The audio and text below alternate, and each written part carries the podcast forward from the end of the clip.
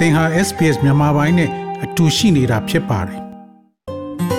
SBS မြန်မာပိုင်းကို အင်ကာနဲ့စနေနေ့ည10:00နာရီမှနားဆင်နိုင်တယ်လို့အွန်လိုင်းကနေလည်းအချိန်မီနားဆင်နိုင်ပါပြီ။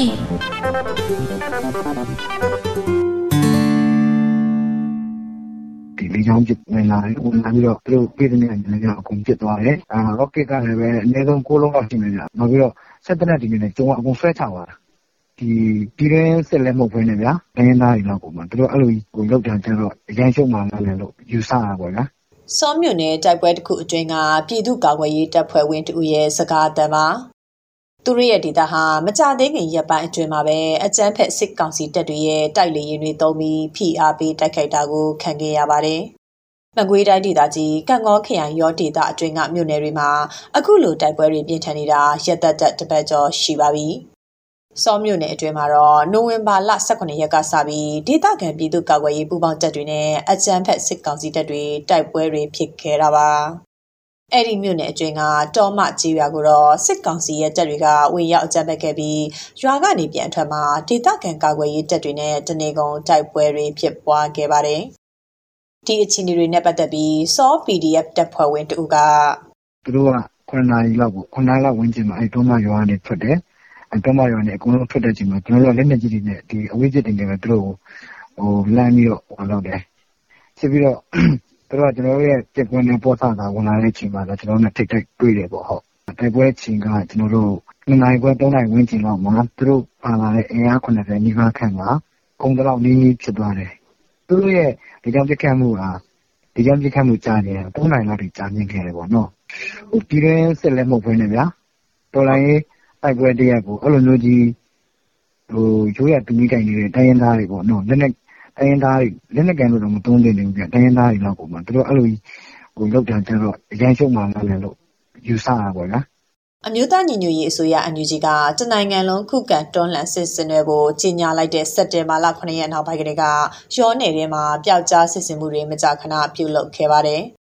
ပြည်သူ့ကာကွယ်ရေးတပ်တွေရဲ့ ဒီလိုပျောက်ကြားစစ်စင်မှုတွေနဲ့ မိုင်းဆွဲတိုက်ခိုက်မှုတွေကြောင့် စစ်ကောင်စီတပ်တွေဘက်ကကြာဆုံးတာတွေ ရှိခဲ့တယ်လို့ သတင်းတွေ ထွက်ပေါ်ခဲ့ပါတယ်။အဲ့ဒီနောက်ပိုင်းမှာတော့ စစ်ကောင်စီတပ်တွေဟာကံကောမြို့နယ်တွေကကြေးရွာတချို့ကိုမိရှုဖျက်ဆီးတာတွေ ပြုလုပ်ခဲ့ပါတယ်။ဒေသတွင်း ပဋိပက္ခတွေ ဖြစ်ပွားလာတဲ့ အခြေအနေကြားမှာတော့ရောနယ်ဒေသခံ ပြည်သူတထောင်ကျော်ဟာ စက်တင်ဘာလလယ်ပိုင်းကစပြီး စစ်ပေးရှောင်ခဲ့ရတာပါ လက်ရှိအချိန်မှာတော့စပားရည်သိမ်းချိန်ဖြစ်တာကြောင့်စိတ်ပူနေရတယ်လို့နေအိမ်မီးရှို့ဖျက်ဆီးခံလိုက်ရတဲ့ကံငေါမြို့နယ်တွေကစစ်ပေးရှောင်တူကပြောပါတယ်ဟိုအခုကလေတွေတိတ်နေဆိုတော့အဓိကတော့စနိုက်ခါတို့ဘက်ကစိတ်ပူလာဆိုတော့လေဟိုအဲ့ဒါတွေကိုအဓိကတစ်ချက်စိုးရင်လည်းစနိုက်ခါလေက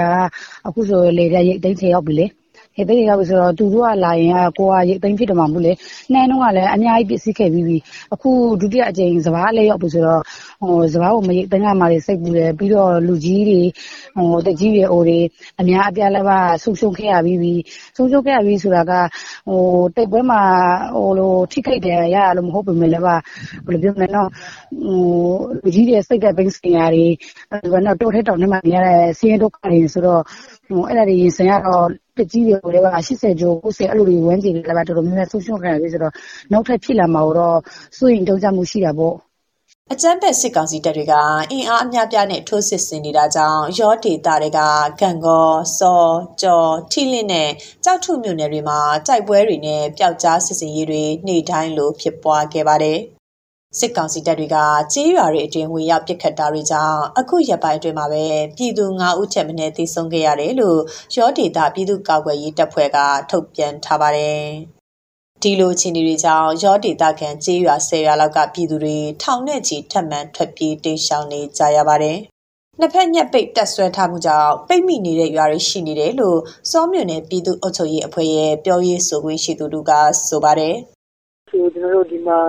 ဟိုစိတ်ဟို ပြေးတဲ့ရွာတွေကဒီဟိုဗျာဘာမှပစ္စည်းတွေ မယူခင်တော့ဘူးပေါ့နော် တချို့ကလို့ဒီကျွန်တော်တို့နေရာကဒီမလို့စရာလေတွေ သိနေတော့အချိန်ပေါ့ အခုကအဲ့မှာတချို့လဲဒီလေသိင်းနေထားကြည့်ရတာရှိတယ်အဲအဝယ်စားတွေလည်း ပါမတော့ဘူးကျွန်တော်တို့အခုလောဆယ် သူတို့ကကြေးရလွှမ်းနေတဲ့ဒီကတော့ဒီပွဲထဲဒီစားတော့တွေ မပါဘူးပေါ့နော် ပြီးကြရတယ်ဟုတ်ဒီချို့ဆိုလည်း ဟိုကိုရောက်တဲ့နေရာကျမှ မိသားစုတွေ ပြန်ဆုံးလာရှိတယ်လို့ ကျွန်တော်တို့ဟိုပြန်တင်ပြ ကြားပြရတာရှိတယ်ပေါ့ဗျာ ရွာတရွာကကြတော့အဲဒီတလေရွာပေါ့နော်ဒီကြတော့အဲတလေရွာလို့ ပြောတယ် သူကတော့တော့တော့အဲရွာအဲ့လိုတချို့ကလည်း ရွာနားမှာပဲနေတယ် ထွက်ပေါက် နည်းနည်းပိတ်မိနေတဲ့ အနေအထားရှိတာပေါ့လေ လမ်းကြောင်းတွေတော့ တကယ်လို့ ဒီစစ်ကောင်စီတပ်က လောလောဆယ် ဆက်မထွက်ဘူးဆိုရင်တော့ဟို ရစ်ကြအောင်မယ်ဆိုတော့ဒီလမ်းကြောင်းခေခဲလေးကိုကျွန်တော်တို့မှတွေ့နေတယ် ဒါစူးစမ်းပြီး လမ်းကြောင်းတွေကိုရှာနေတယ်ပေါ့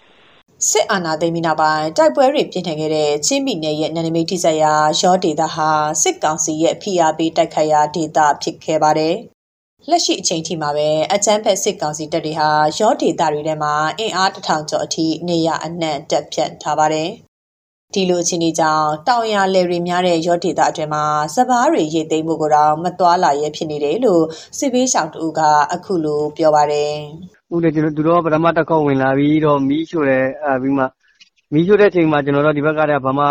ပစ္စည်းတွေပါလည်းမသက်ခင်ကမှတော်ထဲမှာတစ်ခါပုံးဆောင်နေတော့သူတို့ပြန်သွားတဲ့အချိန်မှာနောက်ထပ်တော့ကျွန်တော်တို့ကလည်းမလာတော့ဘူးမလာတော့ဘူးထင်ပြီးတော့မှတချို့ပစ္စည်းတွေကြတော့တော်ထဲမှာထားပြီးမှတင်ထားတယ်ပြီးတော့မှလူတွေကအိမ်မှာနေတယ်နောက်တစ်ခေါက်သူတို့ပြန်လာတယ်လာပြီးတော့မှခုလိုမျိုးပဲ သူတို့လာတယ်လမ်းကနေတော့ချော်လဲနေကြီးတွေနေပြစ်လာခဲ့တယ်ဟောပြစ်ဒီပြစ်အမှရွာသားတွေဒုတိယတစ်ချိန်တစ်ခါထွက်ပြေးရတယ်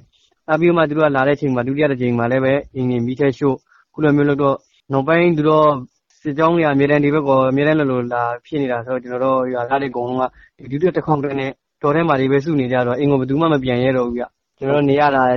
စုစုပေါင်းဆိုလို့ရှိရင်ကျွန်တော်တို့ရွာဒီတောထဲမှာနေရတာ3လရှိပြီဗျ တချို့ဟာတွေဆိုလို့ရှိရင်ပြင်ပနေပြင်ပရွာနဲ့အဆက်အသွယ်ပြတ်တော်တွေဖြစ်သွားပြီလုံးဝတောထဲမှာတွေပဲနေရတာဆိုတော့ဒီမနေ့တနေ့ကလည်းပဲဒီဘက်လက်နေကြည့်တဲ့နေရာကြားနေရတော့ခေါင်းနေဘယ်သူမှဒီဟာလယ်နာတွေယာနာတွေဘယ်သူမှမသွားရဘူးဗျအမှတော့ကနေဒီဘက်မှာတောင်သူတွေပြီးကြတော့ခါကျနေများတာကလက်လုံးလက်စားသမားတွေရောဆိုတော့ခါကျနေဒီမှာအခုလိုမျိုးအလုပ်လည်းမလုပ်ရတော့တော်တော်မရှိတဲ့လူတွေကြတော့လေကိုလုံးဝငက်ပြက်အခုလိုမျိုးပဲရှိတဲ့သူရှာနေအခုလိုမျိုးပေးကမ်းလိုမျိုးပဲစားနေပဲရိတ်ခါထောက်ပံ့မှုတွေလည်း လူတဲ့သူကလည်းလူပဲမဲ့တော့ဒါရှိကြတော့ကျွန်တော်တို့ပဲကြတော့မရောက်တော့ဘူးလေအခုရက်ပိုင်းအတွင်းမှာပဲတိုက်ပွဲတွေနဲ့ပျောက်ကြားစစ်စင်ရေးတွေကြောင့်အကြမ်းဖက်စစ်ကောင်စီတပ်ဘက်ကရာဂနန်းအထိတည်ဆုံခဲ့ပြီးအထိနာခဲ့ရသလိုပြည်သူတော်လှန်ရေးတပ်ဖွဲ့တွေဘက်မှလည်းကြာဆုံးမှုများခဲ့ပါတယ်။ပြီးခဲ့တဲ့နိုဝင်ဘာလ18ရက်ကထီလီမြို့နယ်တိုက်ပွဲတစ်ခုအတွင်းမှာပဲပြည်သူတော်လှန်ရေးရဲဘော်14ဦးအထိကြာဆုံးခဲ့ရတာပါ။ အကြမ်းဖက်စစ်ကောင်စီတပ်ရဲ့လေကြောင်းပစ်ကူအပါအဝင်အင်အားလုံးရင်နဲ့ထိုးစစ်ဆင်နေမှုတွေကြောင့်နောက်ထပ်ပြေးစရာမြေမရှိတော့မှာကိုစိုးရိမ်နေရတယ်လို့စစ်ပေးရှောက်တူကဆိုပါတယ်။သူကတော့ချင်းပြည်နယ်မင်းတပ်ကနေရောဒေတာအတွင်းမှာလာရောက်စစ်ပေးရှောင်နေရတာ6လ6လောက်ရှိနေပါပြီ။အဲ့ဒါအခုကျတော့လေကျမတို့ဘယ်လိုပြောမလဲဆိုတော့ကြီးလန့်ဆာစားပေါ့ရှင် မိရောညာရောတီးထားရတာ မြို့ထဲသွားရင်လည်း သူတို့ခါလေ အရက်ဝတ်တွေနဲ့ သွားတယ် ဒါနဲ့လက်နဲ့တီပါတော့တီးကြတယ်လေ အဲ့လိုရှိတယ် ပြီးတော့ ဝတ်စုံတွေနဲ့ သွားလာတာတွေလည်း ရှိတယ်နေ့ချင်း ပြီးတော့ညရီဆိုလည်း စိုးရင်ရတာပဲ ဟိုတလုံးကလည်းဆိုရင်လည်း73ယောက်ခန်းသွားတာပေါ့နော် အဲ့လိုဆိုတော့ ကျမတို့လည်းလည်း စိုးရင်ရတဲ့ အချိန်ကြီးပဲပေါ့နော် ပြီးတော့ တခုခုဆိုလည်း ဒီထက်လည်းကြီးဖို့နေရလည်း မရှိတော့ကျမတို့အတွက် အဲ့လိုဆိုတော့ မတက်နိုင်ဘူး အဲ့ဆို ဆင်ဆင်ချင်းချင်းလေးပဲတီးရနေပေါ့နော်တီးထားပြီးတော့ နေရတယ်ရှင်အဲ့ဒါ လမ်းကြောင်းတွေကြတော့လေပခုတ်ကူကနေ ဒီကို ဆန်တဲလို့ လုံးဝမရတော့ဘူး ပြီးတော့ ဆန်ကုန်တယ်တွေပေါ့နော် ဆန်ရောင်းတဲ့လူတွေကလည်းငါအိတ်ချက်က သူတို့ကတဲခွင့်မပေးတော့ဘူး အဲ့ဆိုတော့ ကျွန်တော်တို့ကကြတော့ရောဆန်နေရောဆန်ကလည်းအဲ့ဒီသူရဲ့ မူလပေါက်စီးကကြတော့3000 2800အဲ့ဒါကနေ အခုက4000အဲ့လိုမျိုးတွေ ဈေးတအတက်တာပေါ့နော် အဲ့လိုဆိုတော့ ခက်ခဲတယ် အများကြီး ခက်ခဲတယ် အဲ့ဒါမှ ဆန်တစ်မျိုးသေးပေါ့နော် ပြီးတော့လေဒီမှာ စုကြုံနေတော့ နည်းနည်း ဘယ်လိုပြောမလဲ ဟိုဟာဖြစ်တယ် ကုန်စည်နှုန်းကလည်းအတက်တယ်အရင်ကထက်ပေါ့နော်နှစ်ဆလောက်တက်တာရှိတော့ကျမတို့အဆဆဆငွေကြီးရောပြီးတော့အဲ့လိုမျိုးစားတော့တာရစအားလုံးကျမတို့ခက်ခဲတာပေါ့နော်ရောနယ်ထဲမှာချင်းပြည်နယ်မင်းတပ်ကစစ်ပေးရှောင်ပြည်သူ1600ကျော်အထိရှိနေပါတယ်။ရောနယ်ဟာချင်းတောင်ပိုင်းနဲ့နယ်နိမိတ်ထိစပ်နေတဲ့အနေအထားမှာမင်းတပ်နဲ့ကံပလက်က CDF တွေဟာရောဒေတာခံပြည်သူကာကွယ်ရေးတပ်တွေနဲ့ပူးပေါင်းလှုပ်ဆောင်ရတာတွေလည်းရှိလာပါတယ်။ ဒီလိုပူးပေါင်းမှုတွေနဲ့အတူရောဒေတာကန်ပြည်သူတွေရဲ့လှုပ်ချိုးရေးနဲ့နိုင်ငံရဲ့ဒီမိုကရေစီလမ်းကြောင်းအတွက်စစ်ကောင်စီရဲ့အကြမ်းဖက်မှုတွေကိုစုပေါင်းတွန်းလှန်နေကြရဆဲပါဒီသတင်းဆောင်မကိုတန်လင်းခက်ကပိတ်ပို့ထားတာဖြစ်ပါတယ် sbs.com.au/bemis ကို home နေရာမှာထားပြီးတော့အမြဲတမ်းနှာစင်နိုင်ပါတယ်။ အစိုးရသတင်းတွေ၊စောင်းမားတွေနဲ့စစ်တမ်းတွေမှာပါဝင်ပြီးတော့ဆက်သွယ်မှုလုပ်နိုင်ပါတယ်။ sbs.com.au/bemis ဖြစ်ပါတယ်ရှင်။